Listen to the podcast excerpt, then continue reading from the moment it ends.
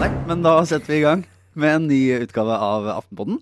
I, I godt humør og med gode muligheter for å, eh, for å eh, falle i fallgrupper. Ja. Eh, Jeg er Lars Glomnes, med som alltid politisk redaktør Trina Eilertsen. Hallo. Hei, hei, hei.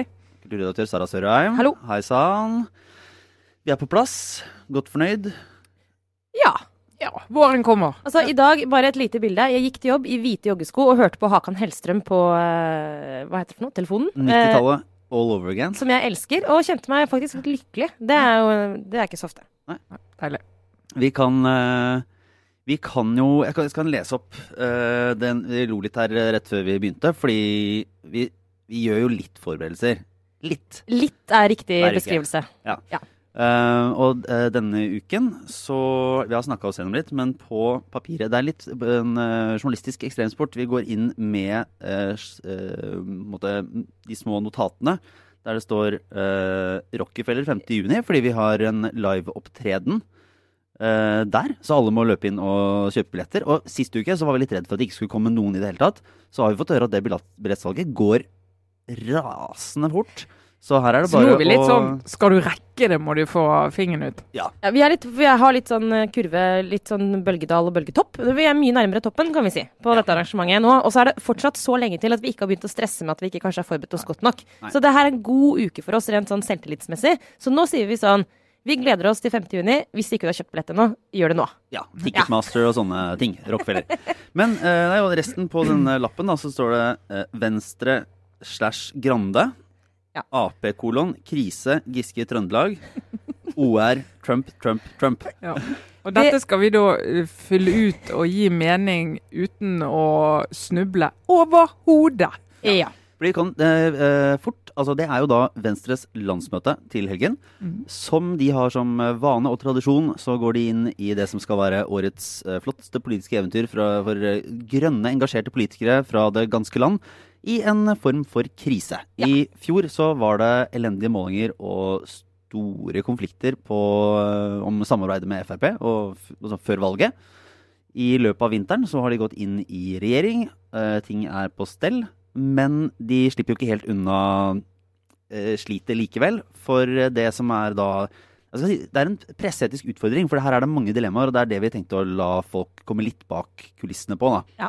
Eh, fordi det dreier seg om denne, denne historien i, som det gikk eh, mye rykter om, som, eh, om, en, om et bryllup i Trøndelag i 2008.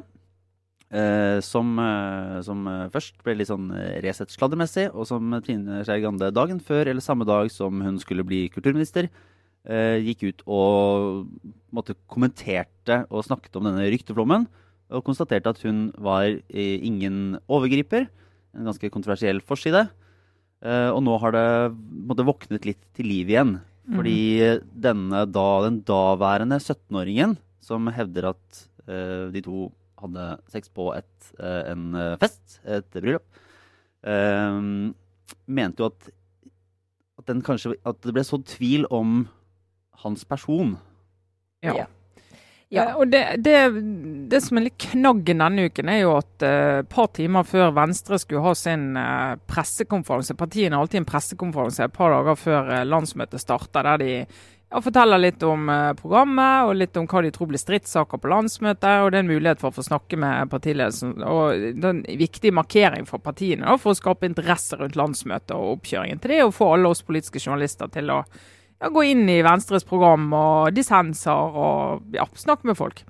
Få masse deilig, fin oppmerksomhet rundt liksom, eh, det politiske verkstedet sett, og alle de gode ja, løsningene. Sette agendaen for hva Ja, sett, gjø- Gjøre det til en Venstre-uke, egentlig. Eller til det partiet sin uke. Eh, og et par timer før det så postet eh, Ola Borten Moe, nestleder i Arbeiderpartiet eh, I Senterpartiet. eh, Senterpartiet, unnskyld, unnskyld, unnskyld. Eh, Men altså, Arbeiderpartiet har jo nesten ikke nestleder lenger, så det er jo helt feil. Du lanserte kanskje her Freudian slip. Eh, altså, det, Ja. hadde jo, det hadde vært Det hadde vært interessant. noe. Ja, men jeg tror ikke han var i det berømte bryllupet. Eh, men i hvert fall, poenget til, eh, til Ola Borten Moe i denne posten, som vi og flere har, har omtalt, det er jo eh, egentlig å si at ja, det skjedde ting på dette bryllupet som jeg egentlig ikke har noen problemer med. Eh, men problemet er at Trine Skei Grande skaper et inntrykk av at eh, han, den daværende 17-åringen, nå 26-åringen, Uh, egentlig ikke snakker helt sant, eller hun prøver å så tvil om hans troverdighet. Uh, og det har hun gjort i intervjuer i Aftenposten og i VG, når hun omtaler uh, det, det, alt det som skjedde i januar som en rykteflom. Ja, og, sn og, snakker om at hun har fortalt sin versjon til statsministeren. Og da på en måte indirekte sier at det finnes to versjoner. Uh, og det skal vel da ha blitt tatt Altså det har vært spekulasjoner om hvorfor Ola Borten Moe kom med dette rett før denne pressekonferansen. Mm. Ja, og i Venstre så leser de det på en måte, det at han vil eh, ødelegge. Han og Senterpartiet vil ødelegge for, for Venstres oppkjøring til landsmøtet. Sånn leser de det. Fra andre siden så er det sånn Nei, det er faktisk helt tilfeldig. Det, det var nok et intervju med Trine Skei Grande i VG i påsken. Mm. Halvannen uke før dette, da. Uh, der hun noen ganger sa det at jeg er blitt utsatt for rykter og rykteflom. Alt dette for å ødelegge for Venstre og prøve å på en måte ødelegge for vår inntreden i regjering. og Det har vært litt sånn historien der. Mm. Og så er det jo litt av dilemmaet her, tror jeg, at fra eh, Trine Skei Grande sitt ståsted, eh, så tror jeg hun med trygghet kan si at det var veldig mye som ble snakket om og spredd av eh, historier om henne i januar som gikk langt utover det som Ola Borten Moe snakker om, som handler om hennes person og hennes atferd. Ja, hun har noe grunnlag for å kunne si en, en rykteflom. si at det var en rykteflom også. Uh, mens fra Borten Moe-siden, eller det ståstedet, da, så tolkes det veldig som at det er han herre som blir egentlig kategorisert som han en del av et uh, rykte, og har bidratt til et rykte. For han har jo latt seg intervjue i VG om, uh, om, det som, om dette bryllupet. Uh, og da har du plutselig noen dilemmaer for oss ja, for som gående da, som skal prøve å omtale dette på en måte som er rimelig. For det som jo, bare for å skyte inn det først der, så at det som jo da skjer, altså når, når nestleder i et parti går ut på den måten som Borten Moe gjorde mot lederen i et annet parti, så er liksom det konfliktnivået så høyt at det i seg selv, liksom helt uavhengig av hva det er de krangler om, på en måte, er jo oppsiktsvekkende og nok til å utløse en, liksom en nyhetssak. Og så kom det jo en annen sak den dagen òg. Ja. Uh, på dette høyre Hva skal vi kalle det for noe, egentlig? Høyre nettstedet? Er det for mildt? Høyreorienterte Ja, nei, jeg vet ikke hva vi skal si. Den, vi får kalle det ved dets navn, nemlig Resett. Eller Resett. Det er også vanskelig, ja, det, faktisk. Ja. Men uansett, de hadde jo også en sak, Lars, den ja, dagen. Bare sånn grunnleggende det som gjør at at er, altså, disse tingene er vanskelige, For det, det som i utgangspunktet så er jo ting som skjer på en fest uh, for ti år siden uh, mellom to samtykkende mennesker. Altså, det, det, skal mye til for at det er nyhetssaker. Ikke sant? Ja. Altså, hva som skjer på et uh, nachspiel. Det, altså, det, det, var jo grunnlaget for at denne historien og dette, måtte, det som, som også vel Ola Borten Moe sier, har vært en, en, en en slags offentlig hemmelighet eller en kjent historie er litt sånn OK, det, det har ikke ja, det, det, har vært snakket om. Det vet ja. vi. altså Den ja. historien har vært snakket om i politiske kretser. Eh, liksom, det har vært en sånn altså, ja, det har vært en sånn historie som ganske mange har kjent til. Men som ikke har utløst noen av de tingene som, eh, som normalt er liksom, pressens begrunnelser for at noe går fra å være en historie eller sladder eller noe man bare forteller i private settinger, til å bli en sak. Da er det jo liksom noen ting man liksom krysser av på. Som, noen ting som må være oppfylt før det blir til en sak. Da. Og I dette tilfellet så har det jo ikke vært liksom, eh, så mange grunner til. Det er faktisk ingen etablerte redaksjoner som fram til denne saken nå via Resett for første gang dukket opp eh, på nyåret. Fram til da så var det ingen som hadde funnet noen spesiell grunn til at dette skulle være en, en sak. Ja, og, det, og, det, er jo litt uh, viktig, da. For det er jo en del, og det er veldig mye av kritikken vi har fått uh, gjennom vinteren, handler om at ingen redaksjoner går inn i dette fordi at de har lyst til å skjerme en kvinnelig politiker i et parti som mange journalister har sympati med. Uh, og så er det jo redaksjoner som har jobbet med saken. altså Dette er jo en type tips vi får inn med gjerne mellomrom at en politiker har gjort uh, del av det i en sånn, sånn setting. Får tips og sjekker tipset. Uh, finner ut at det kan være grunner til at vi ikke omtaler en åpenbar grunn i en sånn, når vi snakker om metoo-vinteren. der har vi vært opptatt av ting som skjer innenfor en partikontekst, innenfor en bedrift, innenfor en organisasjon.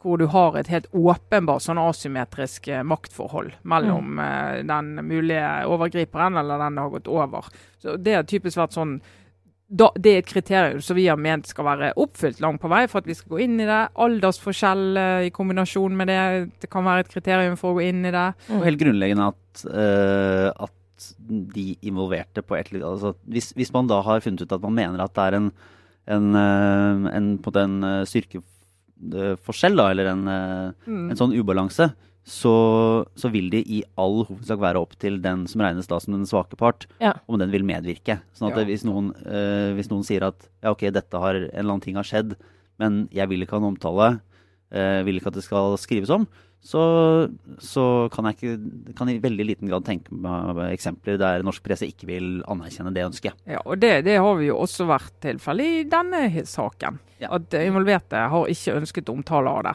Uh, og så har det blitt en historie. Men når det har blitt en historie nå, ti år etterpå, og når det er mye sinne knyttet til denne saken nå i Borten Moe eh, sin uh, krets, mm. så handler det om uh, mer enn om det som skjedde, eller har skjedd, eller hva som har skjedd. Så handler det om hennes håndtering av det, og om det ikke var en maktasymmetri den gangen formelt, så mener jo mange at det er det nå. For nå er hun en uh, statsråd med god tilgang på rådgivere, et apparat rundt seg, som kan eh, få en førsteside i Aftenposten der hun sier 'jeg er ingen overgriper', der hun kan få oppslag egentlig hvor som helst hvis hun snakker om denne tematikken. Eh, mens han ikke har det og føler seg litt sånn maktesløs fordi at han mener, altså mener og oppfatter at, at, det foregår nå en, en, historiefortelling om han som ikke stemmer. Det mm. mener han, og det mener de rundt han. Og det er noe av det som gjør at den eh, aggresjonen kommer nå, da. Og så Om dette da var vanskelig nok uh, allerede, eh, og disse vurderingene, så kommer da, som du sa, en, en ny sånn, en Resett-historie som går lenger inn i Masse detaljer. Detaljer på, på, det som da skal være dårlig oppførsel fra Grandes side. Ja, jeg tror Tittelen på saken tidligere. er vel noe sånt som 'Dette skjedde egentlig', eller 'Her er alt som skjedde'. Noe sånt noe ja. i, i, bryllupet eh, som Trine Skei Grande var, var, i. Og den saken er eh, problematisk av mange grunner. Først og fremst eh, for oss fordi at Resett er et nettsted som vi ikke, altså som ikke opererer etter, hver, altså etter de samme etiske retningslinjene som det seriøse redaksjoner gjør. Det er vanskelig å vite. Vi kan, vi kan, egentlig ikke vite om vi kan stole på kildene til Resett. Eh, og det er ikke fordi at de er på høyresiden eller venstresiden, eller fordi de eh, har en politisk slagside. Det er først og fremst fordi det er en, en redaksjon som tidligere har vist at de ikke har den, det samme etiske nivået som f.eks. da, si ja, en stor redaksjon. NRK. ikke sant?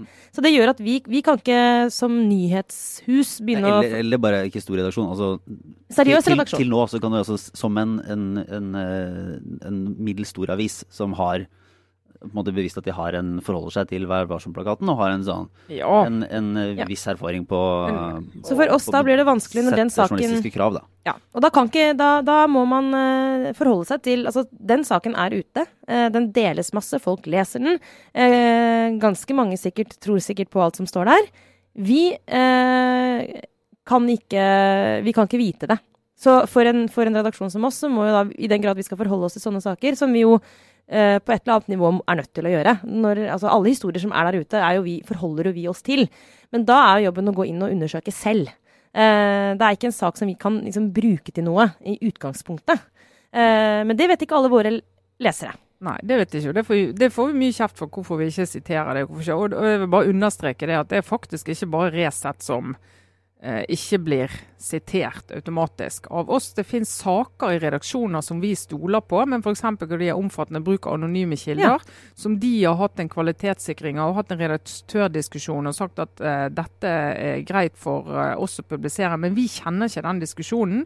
Vi vet jo da ikke, Vår redaktør vet jo da ikke hvem de kildene er, om de er uavhengige, om det ene med det andre. Sånn at selv om det er en redaksjon vi stoler på, så finnes det saker der vi sier ok, vi må heller gå opp løpet selv og prøve å få brakt frem fakta fremfor å lene oss på en annen redaksjon sine etiske vurderinger. Ja. Uh, så det, og det skjedde jo også med de tidlige uh, sakene i metoo-Giske-komplekset rett før jul. Uh, der redaksjonen hadde saker som vi ikke siterte fordi vi tenkte ok, dette er et sånt landskap der vi må være veldig trygge på. Ja, det... At vi, eh, vi, har gjort våre egne vurderinger, da. Ja, for det er et veldig godt poeng. Det trenger ikke å være Grunnen til å ikke sitere trenger slett ikke å være mistro til redaksjonens evne til å liksom, jobbe etisk, da. Eh, det var bra du korrigerte, fordi det kan også være bare rett og slett at vi, vi må finne en dokument, altså, men, dokumentere men så, ting selv. Men så må vi gå Og når det kommer altså Det kan komme du, Se på det som står i Resett som et tips. kommer et tips fra de, fra en PR-rådgiver, fra en kilde, fra et eller annet. ok, En opplysning om eh, en statsråd eller en eller annen måtte være. Så sier jeg ok, vi må sjekke den opplysningen. Går vi og sjekker den opplysningen. Etter vi har sjekket det, Eh, så må vi ta en eh, vurdering om dette er noe vi skal publisere. Mm. Og Da må vi gå gjennom alle de vanlige kriteriene. Hva har offentlighetens interesse? Hva er begrunnelsen for å publisere? Hva er begrunnelsen for å ikke publisere? Da må vi ta den jobben der, og det må være en sånn selvstendig vurdering hos oss. Og så gjør vi jo nå det, altså, Jeg tror både vi og vel, nesten alle nyhetsredaksjoner sitter nå og har vurderinger uh, rundt denne saken. Eh, Grande-saken, eller hva vi skal kalle den for noe. Eh, men en ting da blant an, altså, Det er en del sånne kontrollspørsmål. Der, for det første, som Trine var inne på, det er en del ting som man bare må gå gjennom. Som er grunnleggende liksom, de, etiske regler som vi jobber etter. Og så er det noen kontrollspørsmål man må stille seg. I denne saken så er jo et kontrollspørsmål selvfølgelig hva skjer med våre vurderinger hvis vi bytter kjønn på politikeren. Altså som Ja, et tankeeksperiment. Gitt, ja, gitt at uh, en del av disse opplysningene om dårlig oppførsel stemmer, hvor, hvor, hvor går grensa for når man skal omtale Omtale. hendelser fra Ja. en fra, fra for ti år siden? Ti år ja, tilbake. ti år gamle hendelser uh, i en privat setting hvor det ikke den gangen var et påvist uh, maktforhold mellom de to aktørene. Ikke sant? Mm. Bare for å oppsummere litt. Ja, ja, da må vi ta den diskusjonen. Og så må vi undersøke, som vi gjør med uansett om det er mann eller kvinne, så må vi undersøke finnes det et mønster her.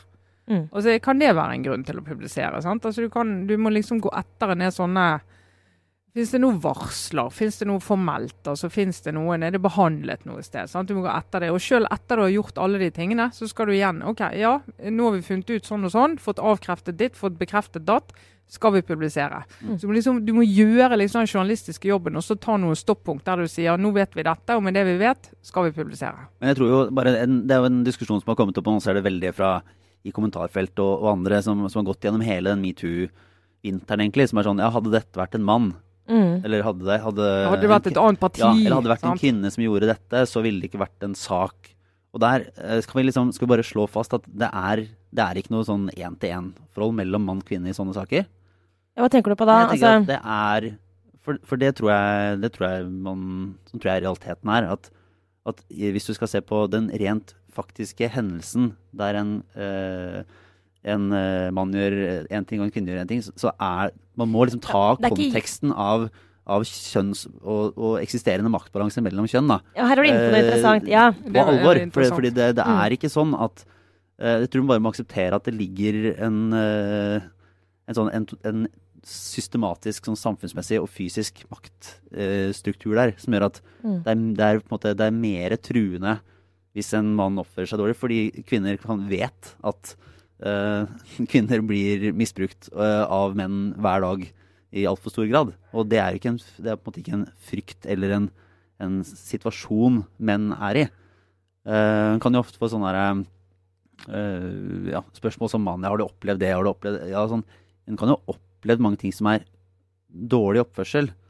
Men hvis man skal tenke på det som sånn samfunnsproblem, Mm. Altså, ble du redd, f.eks.? Ja, er jo et relevant spørsmål der. Ja. Uh, du, følte du deg truet på ekte? Uh, mm. Og selvfølgelig ble du krenket. Altså, og da har vi sagt ofte i metoo-saker sånn at man ofrene, eller hva man kaller for det da. Altså, folk eier sin egen historie. Så veldig ofte så er det ikke egentlig det som faktisk skjedde som avgjør om, om det var et problem eller ikke, men det var egentlig Det er veldig subjektivt, da. Det er vanskelig, for at det, vi må forholde oss til objektive kriterier i journalistikken. Men når det kommer til en følelse av, av å ha blitt utsatt for urett, så er det faktisk også ganske relevant hva slags følelser den handlingen utløste i deg, da. Og da er det med, du er inne på noe interessant, for at det å være reelt truet eh, er ofte, Hvis det f.eks. er veldig forskjellig fysisk styrke, så er det jo mer truende at den som er sterkere enn deg, tar på deg, enn at den som er veldig mye mindre enn deg, gjør det. Så det, er, du, det der er jo et element. Samtidig så er det også sånn at kvinner kan også begå seksuelle overgrep. Ikke sant? Så vi må ha det altså, det, det er ikke sånn at, eh, at vi skal la være å gå inn i sånne saker uh, i utgangspunktet hvis det er en kvinne som blir anklaget for noe. For, så klart, det kan godt Det er mulig for kvinner å, å trakassere folk seksuelt. Så Men- her er den balansen. vi hadde-. Vi hadde, jo en diskusjon faktisk så vidt om det i vinter, for vi hadde fått et uh, tips om en, en sak, og, vi, og da diskuterte vi jo litt. Uh, og det var en mann som var utsatt for trakassering og egentlig seksuelt press fra en kvinne i, i en arbeidsrelasjon. Var, hun var over han i, i hierarkiet. Uh, og det var litt sånn diskusjon ok, vi publiserer den nå. Kan det bli lest som en litt sånn falsk balanseforsøk? At nå skal vi vise at det, er ikke bare menn, det er kvinner òg. At du kan komme inn i en sånn. Jeg vet ikke akkurat hvordan det gikk, eh, hvor langt vi sjekket den saken. det vet jeg faktisk ikke. Men det var en sånn diskusjon om Hvis vi nå kommer seile med det og skal liksom si at dette er samfunnsproblem for alle. Samfunnsproblem for kvinner og for menn. Eh, eller er det et Mm. samfunnsproblem for kvinner, men et individuelt problem for noen menn? Ja. Mm. Altså, det blir sånn uh... Jeg heller jo til den siste der, da. Altså, det mener jeg litt, men altså Men det, det betyr jo ikke at det ikke er et problem, altså, og ikke en sak. sant? akkurat det. Ja. Vi eh, Sånn Er her går praten, sånn går altså, praten, altså, rett og slett. Sånn går praten. og det, det, det brukes veldig mye tid på denne type diskusjoner. eh, Sikkert hos oss hos andre. Det har det gjort. Vi har holdt på med dette i hele vinter. I forskjellige fasetter. Ja. Eh, Og fortsetter. Men eh, ja, nå skal jeg faktisk, for det har jeg aldri klart eh, skal, Nå skal jeg vedde på, hvis vi får det nå, men sånn litt pause, så kommer det faktisk en sånn jævla reklamesnutt. som vi er veldig glad i, fordi at vi får tjent litt penger og vi, på en måte, viser, vi har viser at vi har en markedsmessig verdi i dette lille podkastproduktet vårt.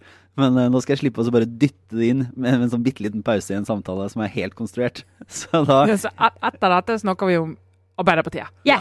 Ja, yes!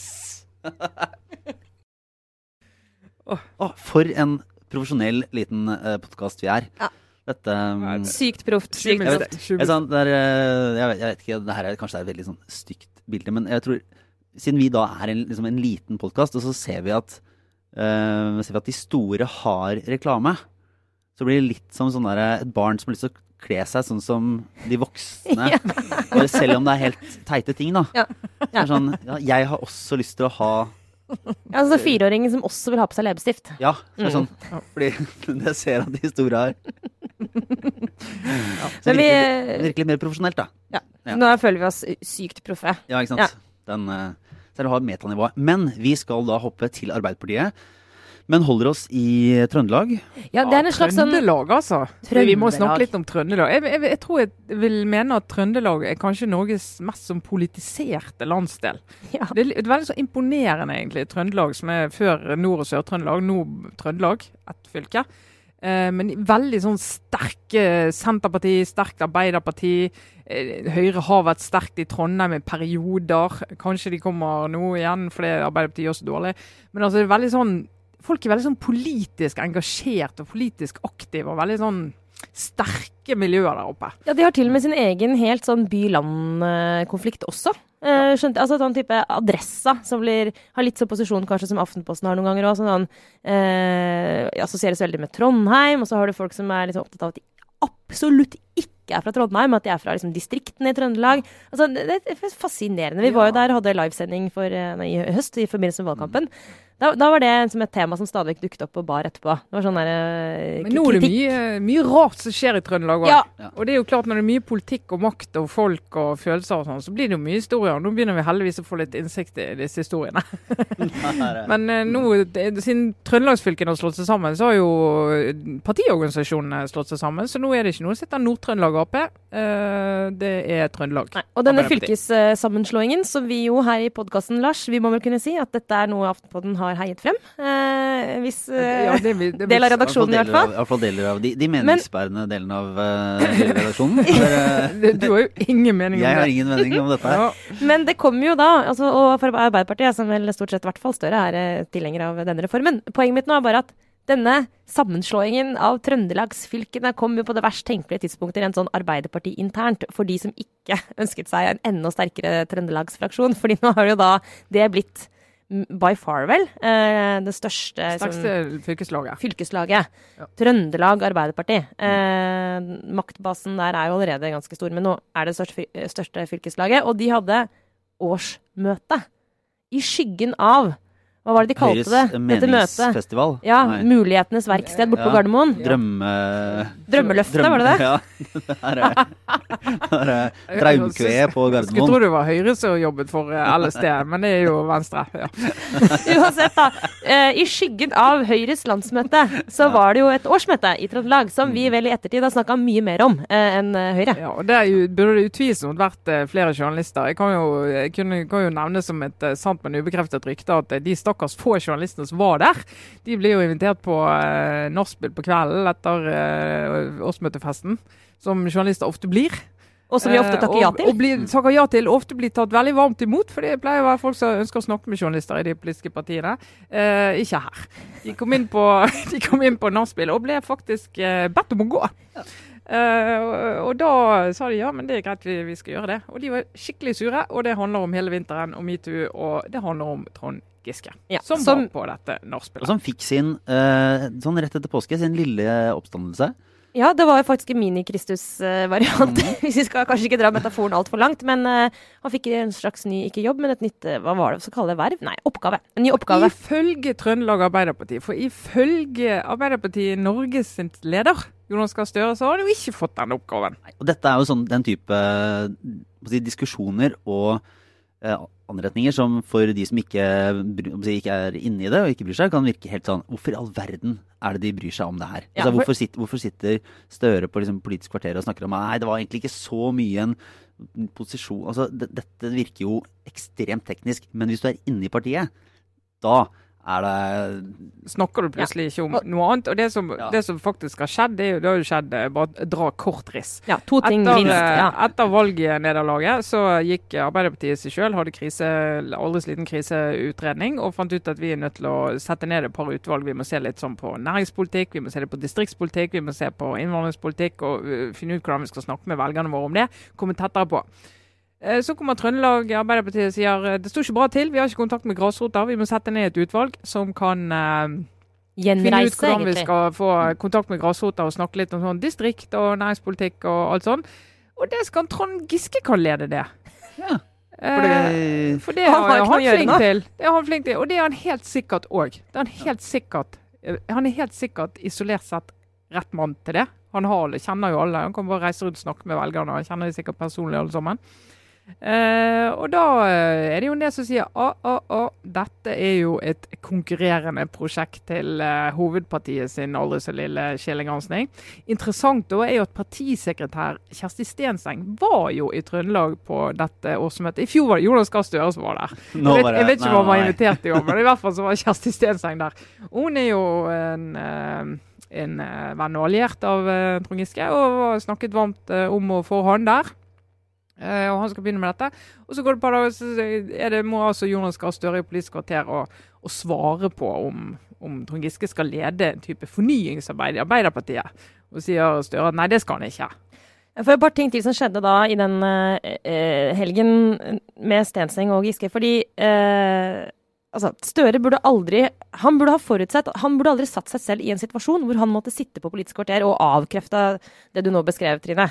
Eh, så han, det er par han burde gjort liksom før det årsmøtet. Det er eh, for det første når, når Trøndelag Arbeiderparti kommer opp med den ideen sånn La oss gjenreise partiet, la oss uh, snakke med folk igjen og sånn. Så kunne han jo f.eks. sagt sånn Det var en kjempegod idé. Vet du, den ideen den er så god at vi gjør det til et nasjonalt prosjekt.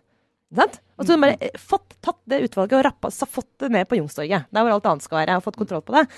Så Kjersti Stenseng er litt sånn Jeg vil gjerne Jeg kan godt, når de fordeler disse årsmøtene mellom seg og det gjør det jo i partiledelsen. Hvem reiser dit, hvem reiser dit? Og det skal jo være en fra ledelsen på disse årsmøtene.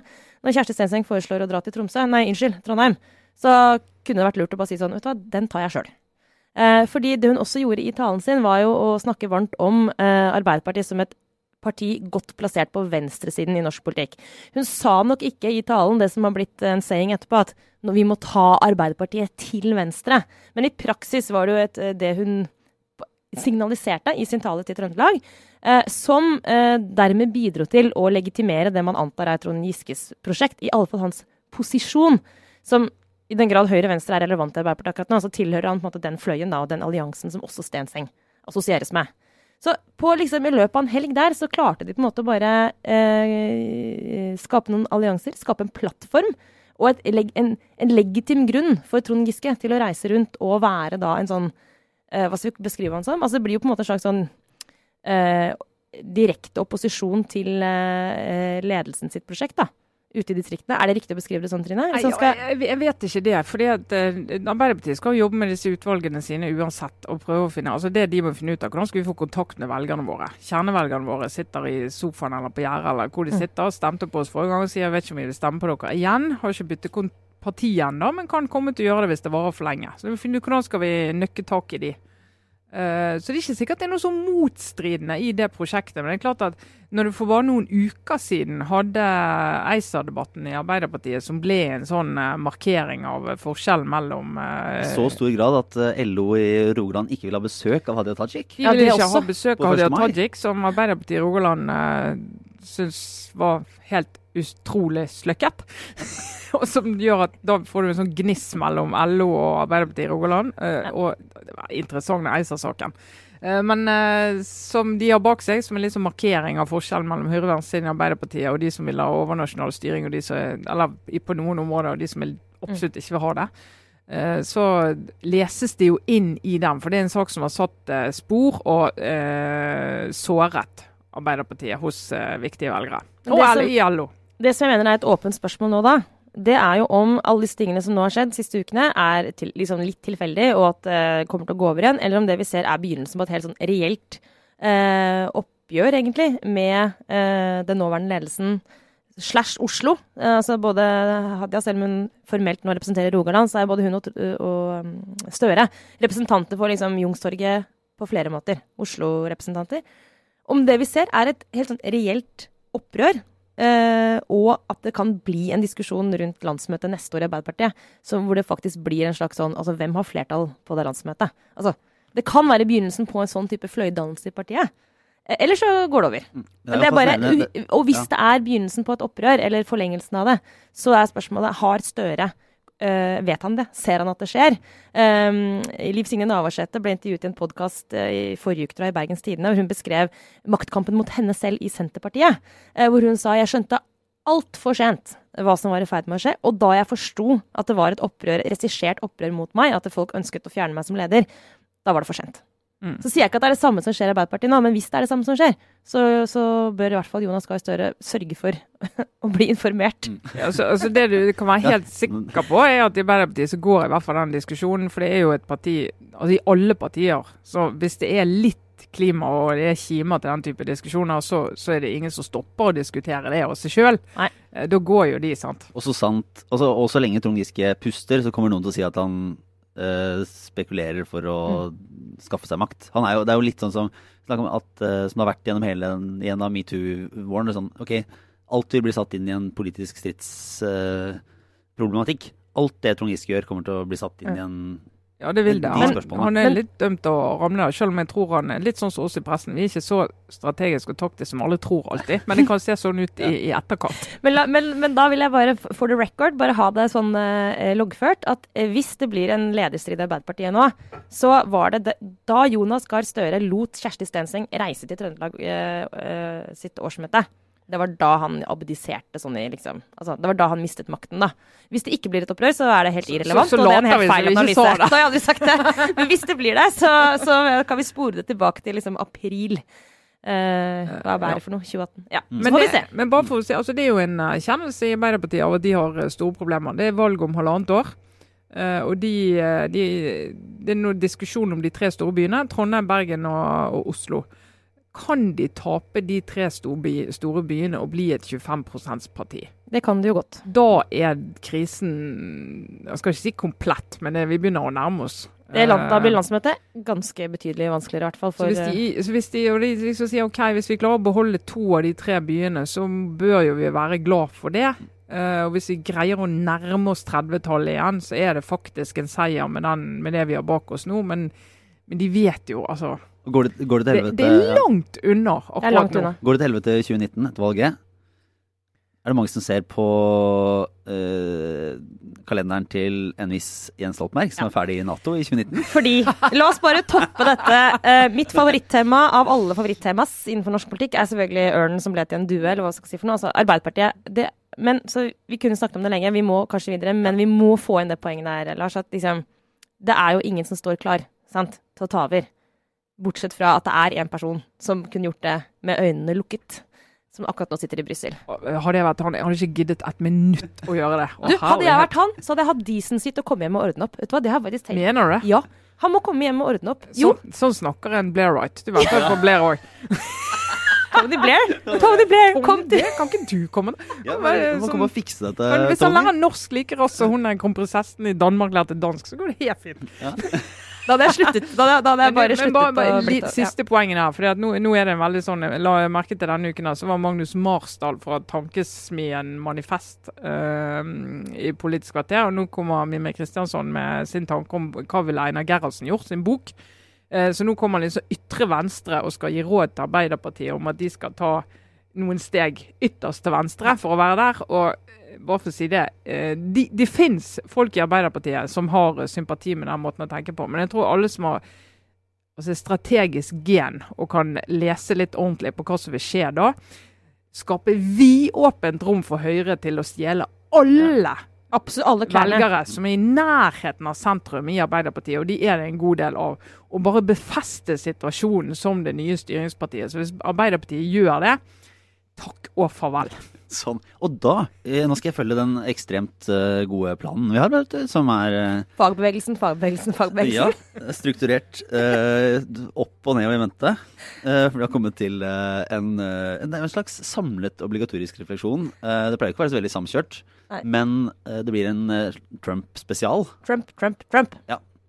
Ja, Kan jeg begynne, siden jeg ikke egentlig altså det, Min erkjennelse er mer at det som Eller obligatorisk refleksjon er at det som vi snakket om da han ble valgt, det har skjedd for min egen del. Og vi husker vi hadde faktisk oppi poden flere ganger sånn Men tenk om vi blir sånn sløve. Altså, nå er vi i sjokk. Han ble president, men så bare blir han det. Og så på en måte går det inn som en del av, av normaliteten. Og for min del har det, det har skjedd litt. Grann. Altså, når jeg registrerer Jeg følger fortsatt Trumps uh, altså jeg, har, jeg får opp hver eneste tweet han sender på mobilen min. Jeg bare liksom fjerner det med en, en, en finger. Altså, ja. Men i dag uh, morges så leste jeg en helt glimrende eh, lederkommentar i New York Times. Og den fikk meg til å bare innse at eh, vi eh, Sånn er det mennesker er skrudd sammen, at vi venner oss til ting. Men dette er altså så ekstraordinært. Eh, det hele dette Altså hele, alt som skjer rundt Trump. Men siste uke så Jeg skal legge den ut på Facebook-siden vår etterpå. Men det er altså en jeg vil si, altså, en beinhard dom over hans uh, presidency, og en oppsummering av de siste dagers hendelser. Altså, det var det mandag hvor hans nærmeste Altså hans Trumps private advokat ble raidet. Hans kontor ble raidet av, av FBI. Eh, det er liksom det tror jeg fjerde eller femte av hans ganske nære rådgivere nå, som er under på en eller annen form for etterforskning. Og de bare slår ganske sånn tydelig fast at eh, denne presidenten har all grunn til å tro at eh, han har gjort ting som ikke tåler offentlighetens lys. Hans svar på det er å prøve å undergrave systemet gjennom å hevde at liksom, eh, alle som er mot han er en del av en sånn svær konspirasjon. Jeg mente det var et angrep på eh, Amerika, var det ikke? Altså, det var hele denne FBI eh, Ja, FBI ja. angrep Amerika. Det er jo helt ufattelig. Og den skaden det, det han gjør da ja. på sitt eget systems liksom, legitimitet i befolkningen. Altså, det er som Du snakket om det forrige uke, Trine. Altså, how democracy dies. Altså, ja. eh, og på den måten undergrave absolutt alle institusjoner. Så det de gjør i den lederen, er egentlig bare slå fast eh, hvor viktig det er at de fortsatt har institusjoner. Nemlig tvert imot av det Trump sier. Altså, de fortsatt har et rettssamfunn og et system som, som gjør det de skal, og som undersøker også sin egen president. Eh, og så er det selvfølgelig en, en, en, en ganske brutal dom over hans eh, manglende evne til å være president. da. Eh, bare, bare, bare, jeg, hvis det er flere som har det som meg, som har blitt litt sånn sløve, så bare anbefaler jeg den teksten. For det, det gir et godt bilde av hvorfor vi må bry oss. Ja. Ja. Og, hva, nå, nå... Nei, nei jeg, har, jeg, har, eh, jeg, skal også eh, innom temaet her, for jeg har jo vært på middag denne uken. Så jeg kan jo, eh, kan jo Ja, ja gud, ja! Men, men, før jeg snakker om det, så må jeg bare kvittere ut. For Forrige gang, forrige uke snakket jeg om uh, mikroplast og min, uh, min, frykt for å ødelegge kloden med fleecejakkene mine i vaskemaskinen. Og jeg har altså fått så mye respons på det. Svaret er Guppyfriend, en vaskepose som du kan få tak i på Kid og Norrøn og Northern Playground et par sånne steder. Så stapper du flis, ikke bare flis, men alt sånn spandex, trenings, joggebuksene dine, alt mulig oppi der. Og så har du inni der, vasker de der vaskemaskinen, og så tar du ut og så eh, tømmer du det plastavfallet i vanlig boss. Ah, ok, men, men nå, er det, okay, nå rekker både jeg og Lars opp hånda i studio her. Ja, rekk opp hånden, ja, forklar. Du kan spørre, for du kan sikkert akkurat samme som jeg skal spørre om. Fordi Det har vel ikke noe å si hvor du kaster den plassen? Altså er den mikroplassen, Problemet med den er jo at den aldri blir borte. Nei, Poenget er at da tar du i plastavfallet i det som heter søppel på Østlandet, ikke, men bosset også. Plastbosse. Og så frakter de det og håndterer det, og kanskje resirkulerer det til en ny bærepose eller et eller annet sånt. Men de går i hvert fall ikke ut i vannet og ut i fisken ja. og ut i, i kamskjellet du spiser til forrett, Sara Søren. Ok, men da, sorry, jeg må stille et ja, hver dag. Fordi, det var akkurat det samme, det var det jeg skulle spørre om, jeg òg. For hvis man da skal kaste en fleecejakke for man ikke vil ha den mer, fordi den f.eks. er rosa, lilla, grønn og gul, eh, da skal man kaste den i plastavfallet? Ja det, ja, det må du gjøre, for det er plast. Nett, ja, nettopp! Ja. OK, takk. Ja, og hvis det er feil, så regner jeg med at våre veldig jeg må si, imponerende, veldig ivrige lyttere gir beskjed. Og da skal jeg ta det videre. Ja, så Det vil jeg si. Det andre jeg bare vil si før jeg begynner, for jeg er nødt til å si at nå navnet på de nye regionene er kommet, og det er nå en region som heter Vestland. Det er min gamle, mitt gamle fylke Hordaland, og Sogn og Fjordane er blitt Vestland. Rogaland er ikke med. Vet du hva, Det er altså så opprørende. Og, og, og, og det er altså så på jordet. Altså, jeg, jeg, jeg vet ikke, jeg, jeg er rasende. Og jeg hørte um, Dette burde jo vært på høring. Det er noe forresten, det burde det vært. Av alle grunner. Det der er jo Vet du hva, da Vi skal jeg bare skyte inn. ut til folk. Også, vi må jo få Jeg er, jeg er vestlending. Ja, hva jeg er mener du nå? vestlending. Jeg er Skjønner, vestlending. jeg skjønner ingenting. Jo, ja, men det her, Dette, har, dette er veldig viktig. Og så komme, og så, Vestlandet det består av Nordvestlandet, Sogn og Fjordane eh, Nå er noen på Nordvestlandet kanskje som blir sur, men eh, Sogn og Fjordane, Hordaland og Rogaland. Det er Vestlandet. Alle som bor der, sier at vi er vestlending. Og så legger vi til et eller annet. Men vi er vestlendinger. sant? Det er sånn. Men, men, Og så skal noen komme og dele opp dette og si at rogalendingene ikke er vest. Hva er de, da? De er jo vestlendinger. Det går ikke an. Men ok, for Jeg trodde problemet var at regionen nå skal hete Vestland, og ikke Vestlandet. Bestemt form. Nei, men han burde Nei. han burde, kunne godt hett Vestlandet, men nå måtte Rogaland vært med. Men når Rogaland da ikke er med, så må du finne et annet navn. men er det ikke rogalending som bare må skjerpe seg og melde seg på? Ja, det må de gjerne gjøre, men når de da ikke har gjort det, så kan du ikke si Vestland. Men Hva var- skal du gjøre hvis Rogaland blir med, så skal du si Vestland ned? Og så blir det sånn Hva skal det hete? da? Hordaland, eller? Nei, kan hete Bjørgvin, eller eh, Det kan Men hete men mye hva- rart, altså, men det kan ikke er- hete Vestland. Det er ingenting som heter det. Det reagerte på, altså hva skal det være høring? Jeg ser for meg at det hadde bare stått noen folk fra, det hadde stått noen folk fra hvert sitt fylke og så ropt hverandre. Det hadde, hva, Nei. Jeg skulle til å si det. Det, var For et enig. Men, mareritt. så, men sånn er det jo med høring. Sånn er det jo med høring. Du, altså Interesserte og berørte skal få vite hva som nå er i ferd med å ramme dem, og så skal de få lov å respondere på det. Kanskje noen hadde kommet opp med et bedre forslag til den derre ja, Jeg skal ikke karakterisere de som har funnet på det navnet, men jeg hadde møtt de, altså. Jeg bare sier det. Klassetryner. Det går ikke an. Oh, bra. Jeg synes, da, da, Men, men eh, jeg vedgår det er på grensen til et ilandsproblem. eh, For det vi, det vi egentlig skulle snakke om med denne obligatoriske restriksjonen, er jo overhodet Det er for så vidt et, også et ilandsproblem, men også et globalt problem, og det er nemlig Trump. Og jeg var jo på denne middagen da på eh, tirsdag. på Skaugum Jeg var på middag på Skaugum. Ja, da kan Ja. vi også bare legge til at uh, jeg skulle på en middag på tirsdag som jeg tenkte sånn Så kult at jeg skal på det. Det var ikke noe veldig sånn fancy, men det var med noen folk jeg tenkte, tenkte at eh, Trine Eilertsen kanskje ville hatt glede av å møte. Så jeg kom til deg og spurte Du, jeg skal på den middagen på tirsdag. Har du lyst til å være med? Og du bare eh, Hyggelig at du spør, lille venn, men eh, jeg skal på Skaugum. Og vi snakker okay. ikke bare en Skaugum. Nei. Neida, jeg var på Skaugum. Det var en setting som hun, eh, kronprinsesse Mette-Marit, har invitert til og arrangert. En sånn, hun er med i en sånn eh, nettverk, eller hva man skal kalle det, av filantroper, eller ja, eh, som heter The Maverick Collection. Jeg går nå og leser om det på nett. Som jobber med sånn helse, barn- og kvinnehelse i ja, fattige land. I hvert fall. Men eh, ja, de, disse, en del av disse var på besøk i Norge, og så hadde hun masse sånn møter med kvinnelige gründere og eh, tech-damer og ditt og datt. Og skal ha middag der. Og så ble jeg invitert for å snakke til de om liksom som norsk politikk og samfunn. Så jeg skal ha en liten tale. Men i, i hvert fall lang historie kort, så satt jeg på et bord mellom to amerikanere. Um, og begge de, Hun ene er tidligere taleskriver for Bill Clinton, og så en annen. Uh, og de uh, var veldig, altså veldig politisk engasjert. Og den andre hadde jobbet som journalist og eh, litt uh, politisk på, eh, i Washington før.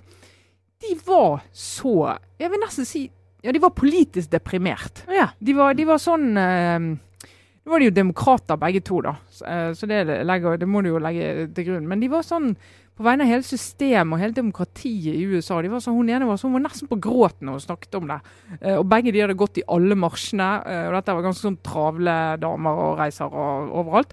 Og sier Vi må sette av tid til å gå i disse marsjene. Vi må engasjere oss. Vi må få folk til å stemme. Jeg kan ikke si til mine barnebarn at jeg ikke gjorde noe. USA er i krise. Altså, De var helt det var sånn De nesten ikke så en vei ut. Og hun ene sa jeg orker nesten ikke snakke om det mer. Men hun andre sa vi er nødt til å snakke om det hele tiden. Ja, Vi kan ja, ja. ikke. Vi, vi kan Klassiske ikke. sånn krisegreier. Bare, Ja, ja, virkelig. kan, vi, kan, kan, vi- ta en Det er pause? Nei. var utrolig intenst, da. Og det, jeg fikk veldig sånn altså Jeg kjente jo Jeg fikk veldig, jeg, jeg ble nesten sånn fordi hva herlighet, nå sikkert om USAs renommé i verden eller begynte en sånn trøst. Nei, men altså, det går fint. Det, det ordner seg, det. vet Du må bare få bytte president. Og så kommer jeg til å si ja, men han blir jo hjemvalgt. Og da, da tok hun igjen. Hun bare måtte, jeg tror hun måtte bare ta seg en pause.